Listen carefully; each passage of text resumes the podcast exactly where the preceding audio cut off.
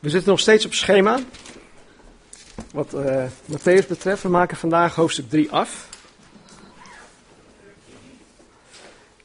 We hebben in de afgelopen twee studies gezien dat Johannes de Doper eh, naar de woestijn toe kwam. En daar de doop van bekering tot vergeving van zonde predikte. Dat was zijn boodschap. We zagen in het verhaal dat een, ja, een hele grote menigte van mensen uit Jeruzalem, Judea en ook rondom de Jordaan uh, naar hem toe kwamen om zich door hem te laten dopen. En terwijl hij hun doopte, beleden deze mensen ook hun zonde. Het was gewoon een groot feest eigenlijk. Een soort van opwekking. Het was, ja, denk ik toch een, een, een opwekking in die tijd. Want 400 jaar lang was er helemaal geen, geen sprake van, uh, um, hoe heet dat? Ja, dat God met de mensen sprak door middel van een profeet. Het wordt genoemd de 400 stille jaren. En ineens komt Johannes de Doper op het toneel. Hij spreekt namens God en iedereen is daar blij om. En ze trekken allemaal naar hem toe en worden door hem gedoopt. En hij, ja, zij beleden hun zonde, zij bekeerden zich om zich gereed te maken voor de komst van Messias. En dat was ook zijn, zijn taak en zijn boodschap. Maak jezelf gereed voor de komst van, van de Heer. Nou, vanmorgen in het laatste gedeelte van hoofdstuk 3 zullen we, zullen we iets zien dat totaal niet lijkt te kloppen. Althans, voor mij leek het niet te kloppen. Laten we lezen. Uh, Matthäus hoofdstuk 3. En dan lezen we gewoon weer vanaf vers 1. In die dagen trad Johannes de Doper op en hij predikte in de woestijn van Judea en zei: Bekeer u, want het koninkrijk der hemelen is nabijgekomen. Deze is het over wie gesproken werd door de profeet Jesaja toen hij zei: De stem van een die roept in de woestijn: Maak de weg van de Heere gereed, maak zijn paden recht. Deze Johannes had kleding van kameelhaar en een leren gordel om zijn middel. Zijn voedsel was sprinkhanen en wilde honing. Toen liep Jeruzalem, heel Judea en heel het land rondom de Jordaan naar hem uit. En ze werden door hem gedoopt in de Jordaan, terwijl zij hun zonde beleden. Toen hij vele van de fariseeën en sadduceeën op zijn doop af zag komen, zei hij tegen hen, adderengebroed, wie heeft u laten weten dat u moet vluchten voor de komende toorn? Breng dan vruchten voort in overeenstemming met de bekering. En denk niet dat u bij uzelf kunt zeggen: Wij hebben Abraham als vader, want ik zeg u dat God zelfs uit deze stenen voor Abraham kinderen kan verwekken. De bij ligt zelfs al aan de wortel van de bomen. Elke boom die dan geen goede vrucht voortbrengt, wordt omgehakt en in het vuur geworpen. Ik doop u wel met water tot bekering, maar die, hij die na mij komt, is sterker dan ik. Ik ben het niet waard om hem zijn sandalen na te dragen. Hij zal u dopen met de Heilige Geest en met vuur. Zijn wan is in zijn hand en hij zal zijn dorsvloer grondig reinigen en tarwe en zijn tarwe in de schuur verzamelen en hij zal het kaf met onuitblusbaar vuur verbranden. Toen kwam Jezus van Galilea naar de Jordaan, naar Johannes, om door hem gedoopt te worden. Maar Johannes wilde hem hiervan weerhouden en zei: Ik heb het nodig door u gedoopt te worden en komt u naar mij?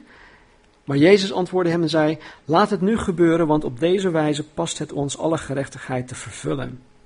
Toen liet hij het hem toe. En nadat Jezus gedoopt was, kwam hij meteen op uit het water en zie, de hemelen werden voor hem geopend. En hij zag de geest van God als een duif neerdalen en op zich komen.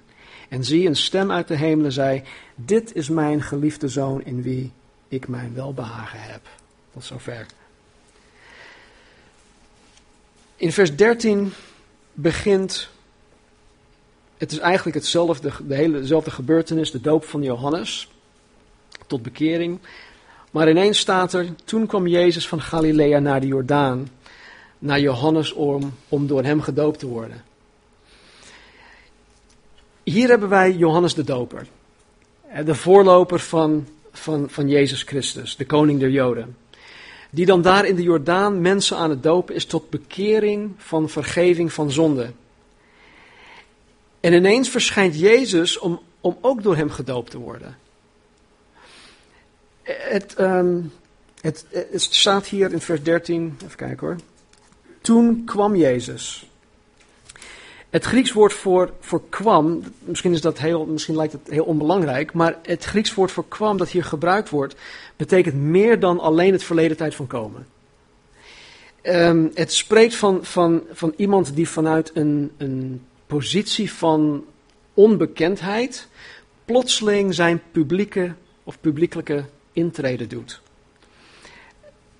Tot op dit moment, behalve één keer dat, dat wij Jezus horen spreken op 12-jarige leeftijd, tot op dit moment was Jezus ehm, totaal onbekend. Hij was, hij was geen, laat ik het zo zeggen, BI'er. BN'er, bekende Nederlander, bekende Israëliet, laat maar. Hij, hij was geen BI, anyway. Hij leefde, hij leefde in volkomen onbekendheid.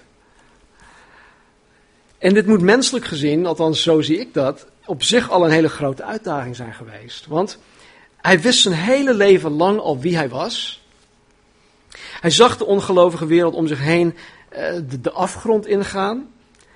Hij zag het leed van de mensen om zich heen. Hij zag hoe eh, de kerkleiders misbruik maakten van hun macht.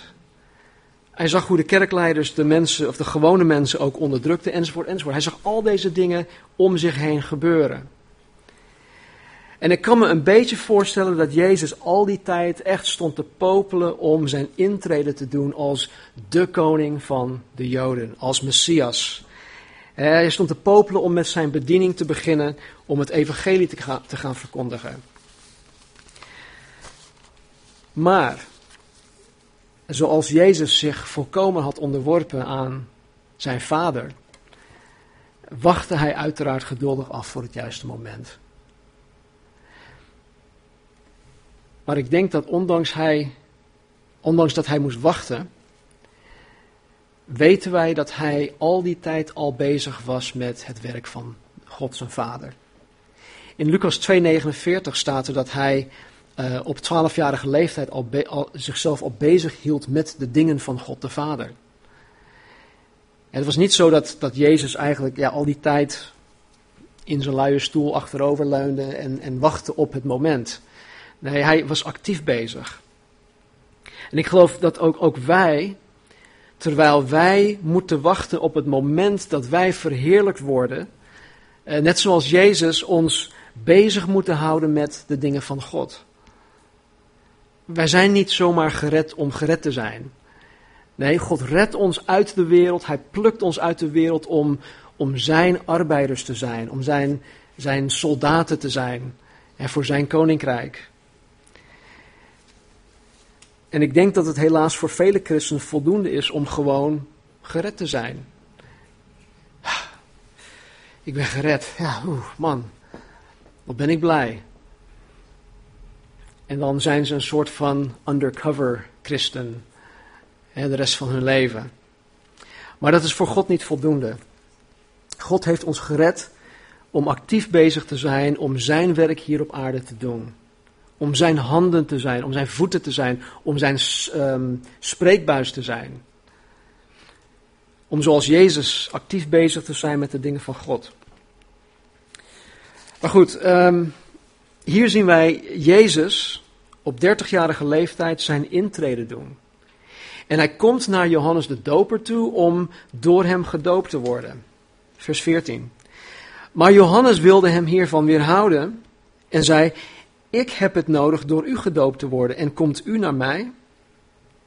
En je moet je voorstellen, hier heb je Johannes de Doper, die door God aangesteld is om uh, de voorloper van de lang verwachte Messias en koning van Israël te zijn. Hij is door God als profeet aangesteld om bekering tot vergeving van zonde te prediken. Hij doopt zondaren in de rivier Zondaren die hun zonde beleiden, die zich ook van hun zonde bekeren. Zijn taak was dus om, om zondaren gereed te maken voor de komst van Messias. Dat was zijn taak. Hij was alleen maar bezig met zondaren.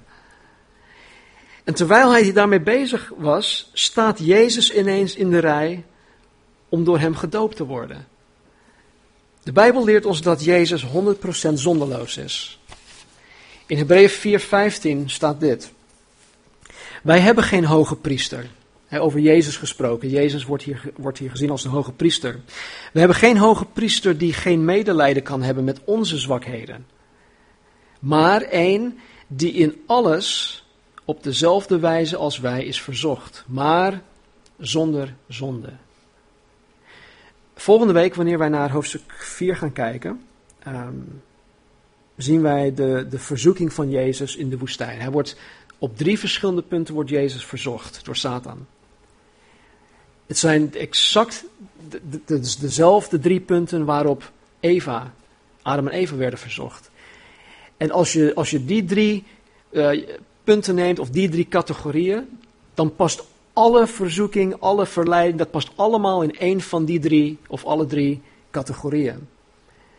Maar goed, dat is volgende week.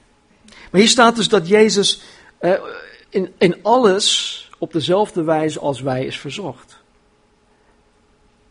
Maar zonder zonde. Dus wetende dat Johannes, of dat Jezus zonderloos is, weigert Johannes de doper dus om, om hem te dopen. En, en terecht, dat zou ik ook doen, want Jezus was onschuldig. Hij, hij had geen enkele zonde begaan waarvan hij zich zou moeten bekeren. zoals al die andere mensen. De werkwoordvorm dat hier gebruikt wordt in, in deze zin, maar Johannes wilde hem hiervan weerhouden, geeft aan dat Johannes de doper aanhoudend bleef weigeren om Jezus te willen dopen. In, in, in de volksmond kan je zeggen, Johannes de doper vertikte Jezus te dopen. Hij wilde het absoluut niet. Hij bleef maar weigeren. En dan zegt uh, Johannes de doper met klem, en dat is echt met klem, ik heb het nodig door u gedoopt te worden. En komt u naar mij? Johannes de Doper, hij snapte er helemaal niets van. Het enige waar hij, waar hij wel van zeker was, was dat het voor hem nodig was om door Jezus gedoopt te worden. Johannes de Doper was er volkomen van bewust dat hij, evenals de mensen die hij daar doopte, een zondaar was. En dat hij zelf in, in diepe nood verkeerde en dat hij zelf een redder en een verlosser nodig had. Dat hij Messias nodig had. Hij had, ja, wat ik noem echte of reële zelfkennis. Hij kende zichzelf en zijn situatie heel goed. Helaas hebben velen vandaag de dag totaal geen besef meer van hun eigen zonde of van hun zondig bestaan. De Bijbel leert ons um, van de verdorvenheid van de mens. Maar dat, dat klinkt zo negatief. Hè, verdorvenheid? Ik, ik, ja, ik ben toch niet verdorven? Dat klinkt heel negatief, maar de Bijbel leert ons dat wel. Mensen zijn overtuigd van hun eigen goedheid. En omdat ze overtuigd zijn van hun eigen goedheid, hebben zij of denken zij het evangelie niet nodig te hebben. Maar de Bijbel leert ons dat wij verdorven zijn. En de mens ontkent liever dat hij of zij een zondaar is, want dat, dat, past veel beter bij uh, het, plaatje die, die hun door de wereld wordt voorgehouden. De wereld die zegt van, joh, je mag alles doen. Think about number one, and number one is jezelf. Eat, drink, be merry. Uh, het draait allemaal om plezier en, en jezelf en, en, en zelfvoldoening en al dat soort dingen. Dus de verdorvenheid van de mens, ja, dat, dat past niet binnen het huidige plaatje. Helaas is dezelfde wereldsgezindheid ook in de kerk te vinden. Vele christenen zijn overtuigd van hun eigen goedheid. Vele christenen zijn ook overtuigd van hun eigen heiligheid en hun eigen rechtvaardigheid. En ik geloof dat juist omdat God genadig is en mensen zegent, uh, mensen die God niet goed kennen, deze genade van Hem dus verkeerd interpreteren. Met andere, met andere woorden, Mensen denken dat omdat zij, zeg maar, ochtends bidden, of omdat zij dagelijks iets uit de Bijbel lezen, of omdat ze trouw zijn in het bezoeken van de, de kerkdiensten, enzovoort, enzovoort, dat God hun om die reden zegent. Begrijp me niet verkeerd, dit zijn allemaal goede dingen. Maar mensen denken vaak, ja, ik doe dit, ik doe dat, ik doe dat, daarom zegent God mij. Maar deze gedachtegang leidt helaas tot de nog ergere gedachtegang, waarin men denkt dat zij beter zijn dan anderen omdat zij deze dingen doen. En dat ze meer geestelijk zijn dan anderen. Meer geestelijk zijn dan anderen die blijkbaar niet zo geestelijk zijn of ze gezegend zijn als zij. En dat, ze, dat zij meer afgestemd zijn op de Heilige Geest dan anderen. Anderen die dan heel veel strijd en beproeving ondergaan. Nogmaals, begrijp het niet verkeerd. God zegent onze tijden van gebed en bijbellezen en kerkdiensten. Maar ik geloof dat dat nog niet wil zeggen dat degenen die trouw zijn in deze dingen minder zondig zijn dan degenen die hierin minder trouw zijn.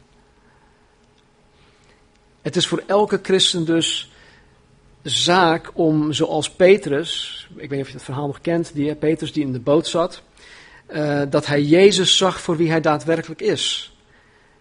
Eh, dat hij, dat hij zichzelf zag in het licht van Jezus. En wat zei hij? In Lucas 5, 8 staat dit. Petrus viel neer voor de knieën van Jezus en zei: Heere, ga weg van mij, want ik ben een zondig mens. Ze waren aan het vissen. Jezus had ervoor gezorgd dat, dat, dat ze een gigantische grote vangst hadden. Petrus komt ineens tot het besef. Het is de Heere, Hij is de lang verwachte Messias. Hij is God.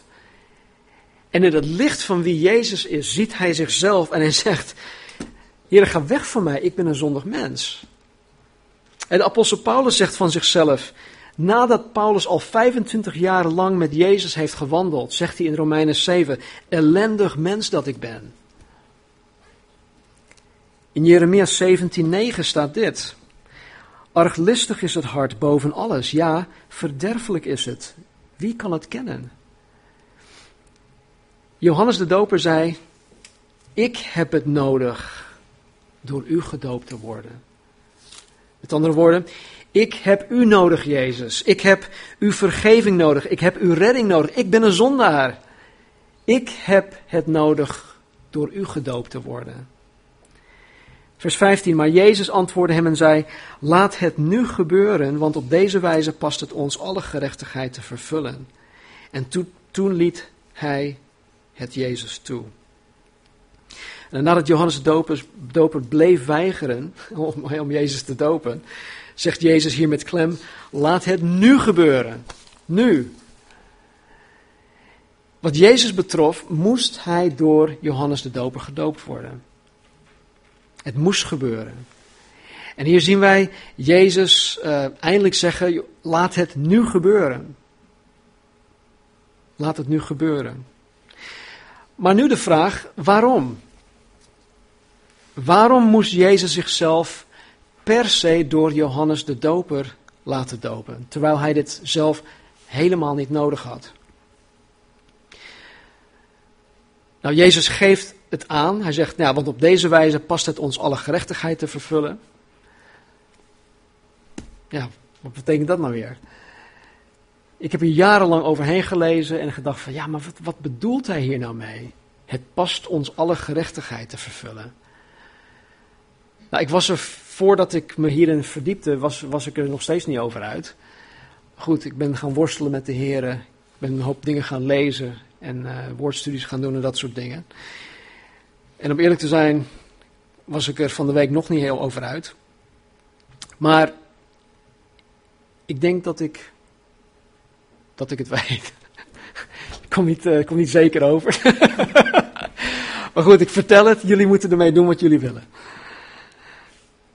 Het wil niet zeggen dat door de doop van Jezus alle gerechtigheid in, het, in heel het heelal in één klap vervuld werd.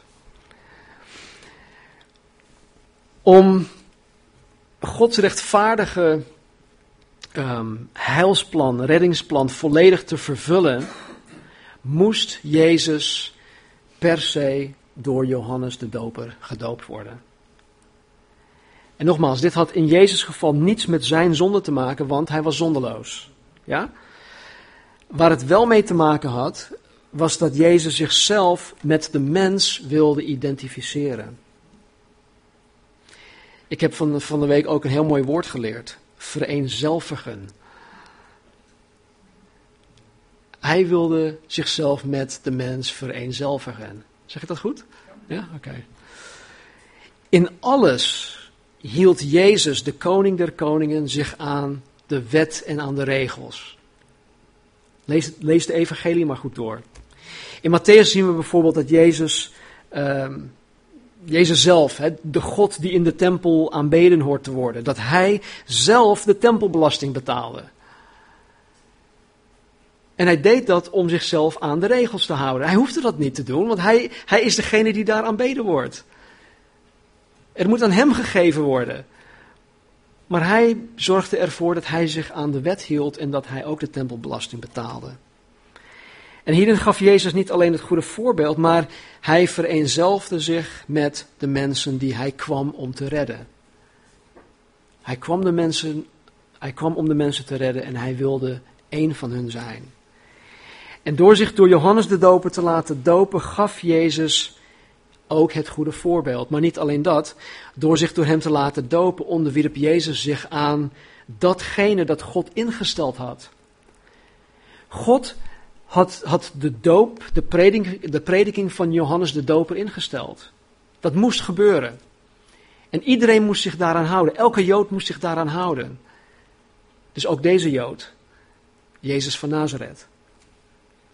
De doop van Johannes uh, de Doper was Gods idee.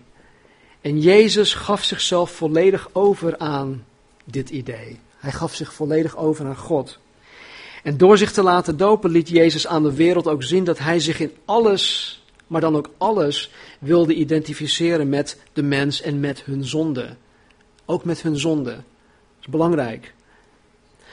700 jaar voordat Jezus op aarde kwam, zei de profeet Jesaja dat Jezus onder de overtreders is geteld. Omdat hij de zonden van velen gedragen heeft en voor de overtreders gebeden heeft. Hij werd onder de overtreders geteld. Hij was één van de overtreders. Wij zijn allemaal overtreders. En Jezus werd als een van ons meegerekend. Jezus moest in alle opzichten een van ons zijn om Gods gerechtigheid te vervullen. Dus ook moest Jezus als een zondaar meegerekend worden. En dus ook gedoopt worden. En toen liet Johannes de Doper het hem toe. Vers 16. En nadat Jezus gedoopt was, kwam hij meteen op uit het water. En zie, de hemelen werden voor hem geopend en hij zag de geest van God als een duif neerdalen en op zich komen. Nou, ten eerste zien wij hier dat Jezus in de rivier Jordaan gedoopt werd en dat hij op of uit het water kwam. De Bijbelse doop wordt door middel van onderdompeling gedaan. je gaat kopje onder. Het is dus niet door besprenkeling. Dat gebeurde pas eeuwen na, na deze gebeurtenis. Nou, op het moment dat Jezus uit het water kwam, werden de hemelen voor hem geopend, staat hier. Nou, Lucas, uh, Lucas, in het evangelie van Lucas um, staat het als, als volgt. Lucas 3, vers 21. En het geschiedde toen al het volk gedoopt was en Jezus ook gedoopt was en aan het bidden was, dat de hemel werd geopend. Nou, wat hier precies gebeurde, weet niemand. Behalve degene die daar stonden. De, de hemel werd geopend. Hoe moet je dat zien? de Bijbel legt ons dat niet uit. De Bijbel zegt niets over hoe precies of hoe wetenschappelijk dat is gebeurd. Er staat alleen de hemel werd geopend en de Heilige Geest daalde op hem neer. Wat wij wel weten is dat de hemel geopend werd toen Jezus aan het, aan het bidden was. De hemel werd geopend toen Jezus aan het bidden was. En ik geloof dat wanneer wij als Gods kinderen bidden, de hemel voor ons open gaat.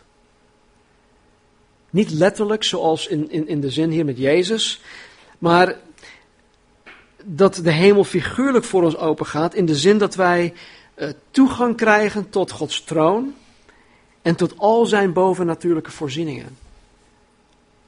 De hemel gaat ook voor ons open. En als je het leven van Jezus volgt, dan zie je dat hij continu aan het bidden was. Hij stond vroeg op. Voor de dageraad stond hij op, zonderde zichzelf af om te bidden. Elke keer zie je, na een hele drukke dag, van helingen, genezingen, demonen uitdrijven, bedieningen, het evangelie verkondigen, dan zie je, hij zonderde zich af en vroeg in de ochtend ging hij bidden.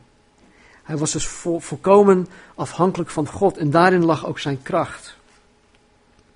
En hier zien wij zelfs dat, dat tijdens zijn gebed de hemel voor hem geopend werd. En dan staat er, en hij zag de geest van God als een duif neerdalen en op zich komen. Ik weet niet of jullie dit nog herinneren, maar toen wij 1 Korinthe 14 hadden behandeld, dat stukje over orde in de eredienst, had ik verschillende redenen aangegeven voor, ehm, of ja, waarom de Heilige Geest per se in de vorm van een duif neerdaalde. Uh, het, had ook een arend kunnen, kunnen zijn geweest, of een of andere vogel. Maar goed, um, een van de redenen, ik zal ze niet nu allemaal weer opnoemen, maar een van de redenen waarom ik geloof dat God een duif had gebruikt, was omdat de duif gebruikt werd als een zondeoffer. En uh, ik geloof dat wanneer de doorsnee Jood de duif zag, dat zij meteen moesten denken aan het zondeoffer, waardoor zij vergeving van zonde ontvangen. De gewone mens die kwam met, met duiven. Hè. Het moesten wel goede duiven zijn, vlekkeloos enzovoort enzovoort. Het, kan ook, het kon ook een ander dier zijn, maar die andere dieren waren vaak waren gewoon voor, voor, de, voor de gewone mensen veel te duur. Ze konden dat niet betalen. Dus God had uh, in de wet voorzien dat mensen zelfs een duif, ja, een duif is een stuk goedkoper, dat ze ook een duif konden offeren. Dus de meest gangbare offer voor, voor de, de gewone mens was om een, een duif te offeren. En ik denk dat, dat elke Jood die dan die duif zag, meteen ook dacht aan het offer.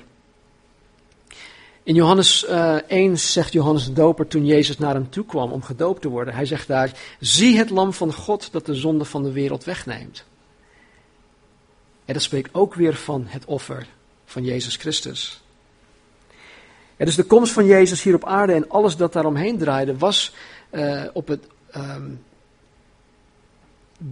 wees op het feit dat, dat Jezus gekomen was om de mens vrij te spreken en om de mens te vergeven van zonde. Want de zonde stond de mens en, en God in de weg.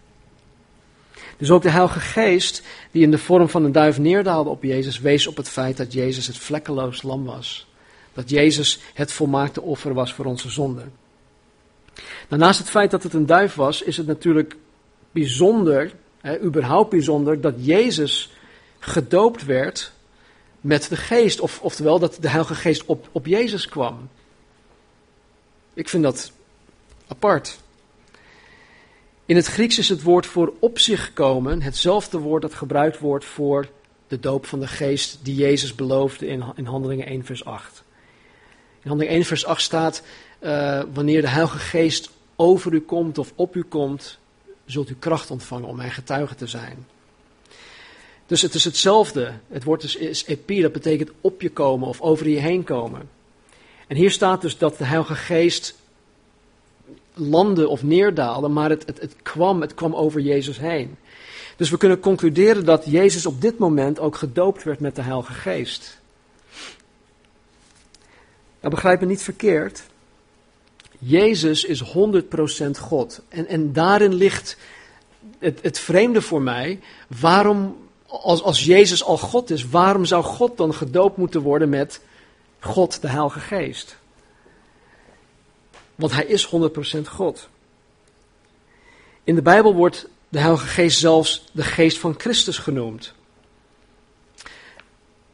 Dus het was eigenlijk voor Jezus als God zijnde totaal niet nodig om gedoopt te worden met de Heilige Geest. Want hij is God. Maar in Handelingen 10 staat iets, iets bijzonders. Iets wat ons weer een stukje inzicht geeft in waarom. In Handelingen 10 leert de Bijbel ons dat, dat, uh, dat, dat Petrus uh, tot de, de heidenen uh, komt. God had hem een, een visioen gegeven. Had tegelijkertijd ook een zekere Cornelius een visioen gegeven. In een droom gesproken. Hij zei: joh, Je moet Petrus roepen. Petrus komt eraan. En dan zegt hij dit. tegen, tegen Cornelius en, en een hoop andere niet-Joden die, eh, die daar waren. Hij zegt, u weet wat er gebeurd is in heel Judea. Wat begon in Galilea na de doop die Johannes de Doper gepredikt heeft.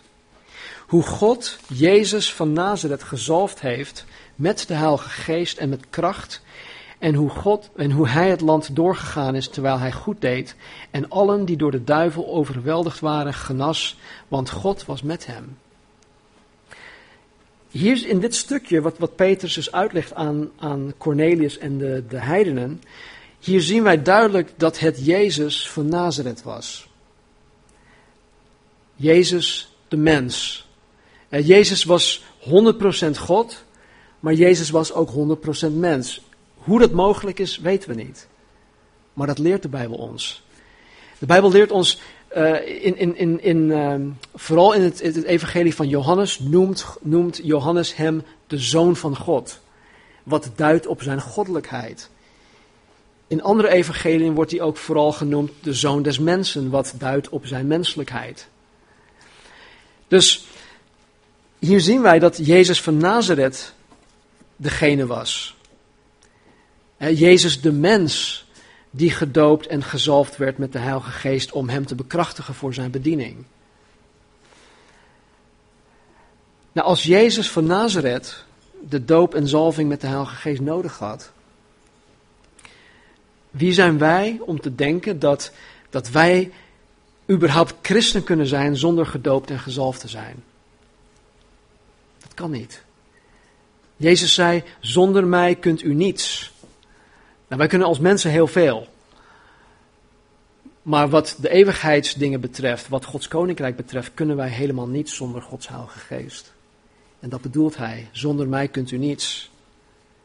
Alle dienst die wij verrichten zonder gedoopt te zijn met en zonder de kracht van de Heilige Geest, doen wij in ons eigen kracht. En vroeg of laat, als we dit blijven doen, zullen we afbranden. En zie, vers 17, tot slot. Een stem uit de hemelen zei: Dit is mijn geliefde zoon in wie ik mijn welbehagen heb. God de Vader bevestigt met zijn eigen stem dat Jezus daadwerkelijk de lang verwachte Messias en koning der Joden is. Jezus is zijn geliefde zoon, waarmee God de Vader volkomen tevreden is. Hij is volkomen tevreden met zijn zoon. Wie van ons kan dat zeggen? niet alleen dat God volkomen tevreden is met ons. Dat is hij wel, want hij ziet ons door, de, door, door Jezus Christus.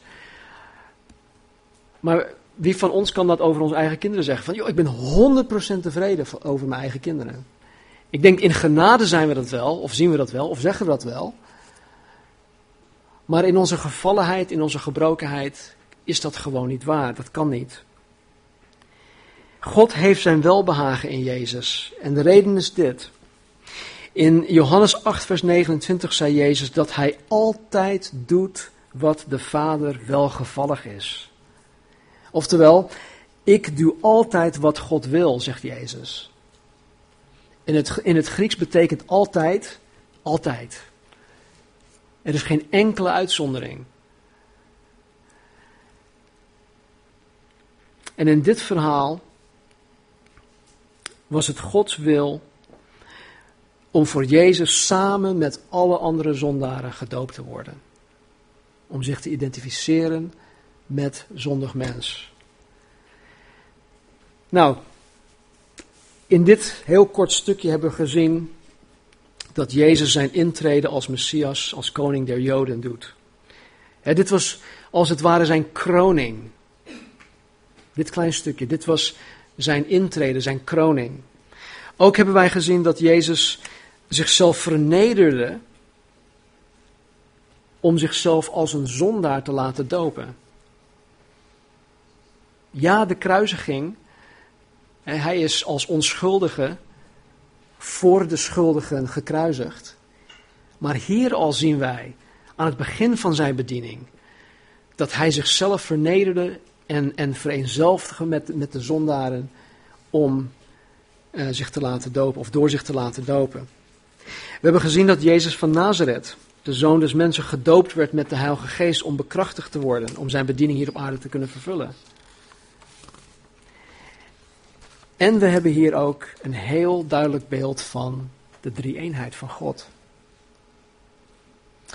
Eerst volgende keer als een Jehovah-getuige bij jullie aanbelt.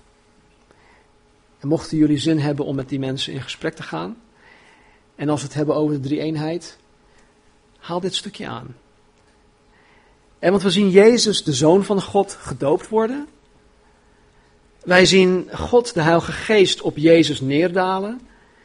En wij zien God, de Vader, die vanuit de hemel tot de mensen spreekt. Het woord drie-eenheid, zoals de Jehovah's getuigen ook ja, zeggen, en ook terecht zeggen, dat woord bestaat niet. Drie-eenheid is iets dat, dat wij zelf hebben verzonnen. Maar het concept, het idee van de drie-eenheid bestaat in de Bijbel wel. En hier is slechts één voorbeeld van, van ja, de drie-eenheid van God. Jezus is gekomen om zich volledig met de mens te identificeren. En als mens zijnde weet Jezus als geen ander waarmee wij als mensen te maken hebben. Hij identificeert zich met ons. Hij kent onze problemen. Hij kent onze worstelingen. Hij kent onze zwakheden, onze verleidingen. Hij, hij kent alles. Hij kent ons door en door. Hij heeft het zelf meegemaakt. Hij heeft in onze schoenen gewandeld. Hij is op dezelfde wijze als wij verzocht, maar zonder zonde. En er staat dat hij medelijden met ons heeft. Jezus heeft medelijden met ons. Hij herkent zichzelf in ons. Hij kan zichzelf volkomen in ons verplaatsen. Nou, welk weldenkend mens zou zichzelf nou niet aan Jezus willen overgeven en navolgen? Dat is voor mij een raadsel. Welk weldenkend mens zou zichzelf nou niet aan Jezus willen overgeven? Wie zou hem nou niet willen navolgen? Hoe je het ook went of keert, ieder mens volgt iets of iemand na. Het zij een systeem, het zij een filosofie, het zij een movie star, Bono, iets of iemand. En al beweert men dat hij volkomen autonoom is, is dat gewoon niet waar. En mens denkt, I am the captain of my own ship. Ik bepaal zelf wat ik doe, wat ik denk. Leugen. Niemand bepaalt voor zichzelf. Want iedereen gaat met de stroom mee. Of mensen gaan tegen de stroom in, wat ook weer met een andere stroom meegaat. Ieder mens wordt door iets of iemand bepaald. Dus waarom niet door degene die het allerbeste voor ons voor ogen heeft? Waarom worden wij dan niet bepaald of waarom gaan wij dan niet mee met degene die ons het allerbeste kent? Die medelijden met ons heeft? Laten we bidden. Heer, ik dank u zo dat u zo ver bent gegaan, Heer. Om niet alleen een goed voorbeeld te zijn in deze. Maar vooral, Vader, omdat Jezus zichzelf heeft vereenzelvigd met de mens. Dat Hij zich identificeert met ons. Dat Hij als hoge priester medelijden heeft met ons. En Jezus, ik dank u dat u zo ver bent gegaan om uw heerlijkheid af te leggen. De heerlijkheid die u met de Vader had. Vanuit de eeuwigheid. Dat u een kwetsbaar mens bent geworden. Dat u in alle dingen het woord van God, de wet, hebt volbracht. En heren, dat u zo ver bent gegaan om en ieder van ons te willen redden. En alzo had God de wereld lief dat hij zijn enige geboren zoon gegeven hebt, dat ieder die in hem gelooft niet verloren gaat, maar eeuwig leven zal hebben. Alzo hebt u mij, ons lief gehad, Heer. En ik dank u, Vader, dat u ons gegrepen hebt. Dat u onze ogen geopend hebt. Dat u de waarheid aan ons kenbaar hebt gemaakt. Heer, opdat wij niet verloren gaan. En Heer, het evangelie is tot een ieder van ons gekomen door middel van een ander persoon. Vermenigvuldig ons, Heer. Door het evangelie tot andere mensen te brengen. Opdat ook zij tot geloof komen, opdat ook zij zalig worden. Dus Heer, geef ons uw hart. Geef ons uw bewogenheid voor elkaar. Om elkaar, Heer, te steunen in onze noden. Om elkaar op te bouwen, om elkaar lief te hebben. En tegelijkertijd, Heer, ook om ons uit te strekken naar de wereld om ons heen. Mensen die u op ons pad brengt, elke dag weer. Om hun uw liefde, uw genade, uw evangelie te delen. Dus Heer, geef ons de vrijmoedigheid. Geef ons de gelegenheden. Geef ons oog, Heer, voor de mensen om ons heen. En geef ons ook deze divine appointments, Heer. Omwille van uw naam. Omwille van u, Jezus. U bent zo ver gegaan. Help ons, Heer, om diezelfde weg te gaan met u. Dat bidden we in Jezus' naam. Amen. Amen.